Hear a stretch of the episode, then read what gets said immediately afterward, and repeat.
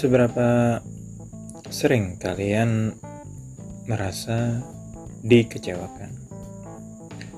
Seberapa sering kalian merasa bahwa orang-orang di sekitar kalian atau situasi yang kalian hadapi itu tidak ideal, tidak nyaman, dan pada akhirnya memberikan kecewaan, kekecewaan pada kalian? Mungkin sudah sering.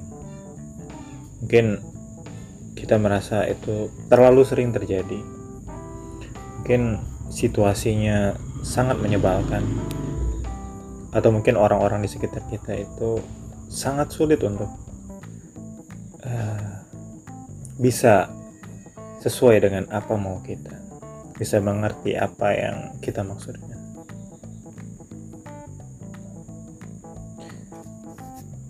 Tapi ada satu poin penting lagi. Ada satu pertanyaan yang mungkin jarang juga kita pertanyakan pada diri sendiri atau orang bertanya kepada kita. Dan ini akan saya tanyakan. Seberapa sering teman-teman mengecewakan orang lain? Seberapa sering kita, saya, dan teman-teman tidak bisa memberikan apa yang orang inginkan, tidak bisa menyampaikan apa yang orang lain maksud, atau tidak memahami apa keinginan dari orang lain. Yang apa pun itu, intinya satu hal bahwa orang lain kecewa.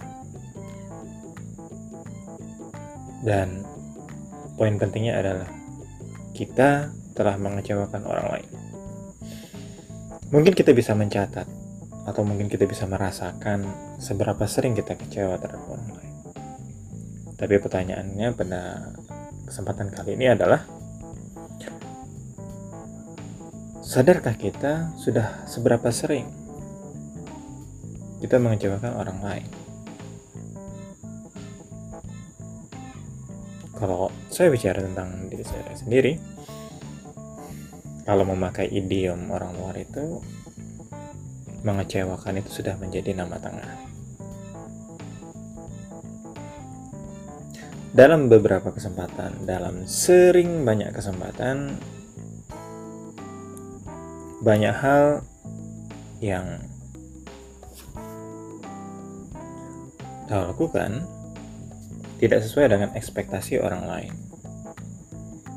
tidak sesuai dengan apa yang dimaui oleh orang yang meminta, misalnya, atau orang yang menyuruh, atau dalam sebuah kerjasama, ternyata saya bukan seorang pemain tim yang baik. Sebagai seorang eksekutor, saya bukan pelaksana yang baik sebagai seorang konseptor, saya tidak bisa merencanakan segala sesuatunya dengan baik. Apa pun itu, dari sisi mana pun, poinnya adalah orang pasti akan selalu menemukan kekecewaannya setiap kali berinteraksi dengan saya. Dan itu sudah menjadi kesadaran. Artinya, ketika saya berinteraksi, berelasi dengan orang lain, pasti pada suatu titik, pada suatu masa, di suatu kesempatan, saya akan mengecewakan mereka. Saya akan mematahkan ekspektasi mereka. Saya akan uh, membuat mereka merasa menyesal mengapa telah mempercayakan sesuatu yang sangat penting misalnya atau sebuah rang, satu dari berbagai rangkaian pekerjaan atau kegiatan. Yang membuat mereka berpikir seandainya mereka lakukan itu sendiri semua akan berjalan baik bahkan jauh lebih baik.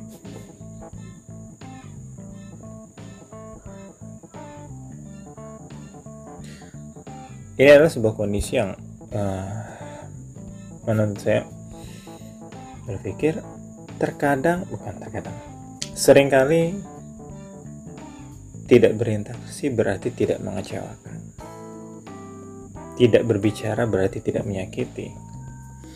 Tidak berbuat berarti sangat mengurangi risiko untuk melukai.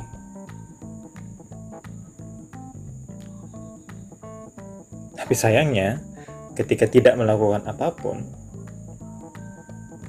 sering kali itu juga memberikan satu hasil yang sama kekecewaan. Maka buat saya pribadi bukan soal seberapa sering saya merasa kecewa, tapi karena itu sudah pasti terjadi. Tapi saya paham bahwa ketika saya merasa kecewa, itu adalah sebuah hal kecil, sebuah konsekuensi logis, sebuah keniscayaan. Karena saya telah melakukan apa yang seharusnya tidak saya lakukan atau pada prinsipnya. Saya telah mengecewakan orang lain. Dengan diam atau dengan melakukan sesuatu. Semua akan menghasilkan konklusi yang sama. Menghasilkan ya hasil yang sama kekecewaan.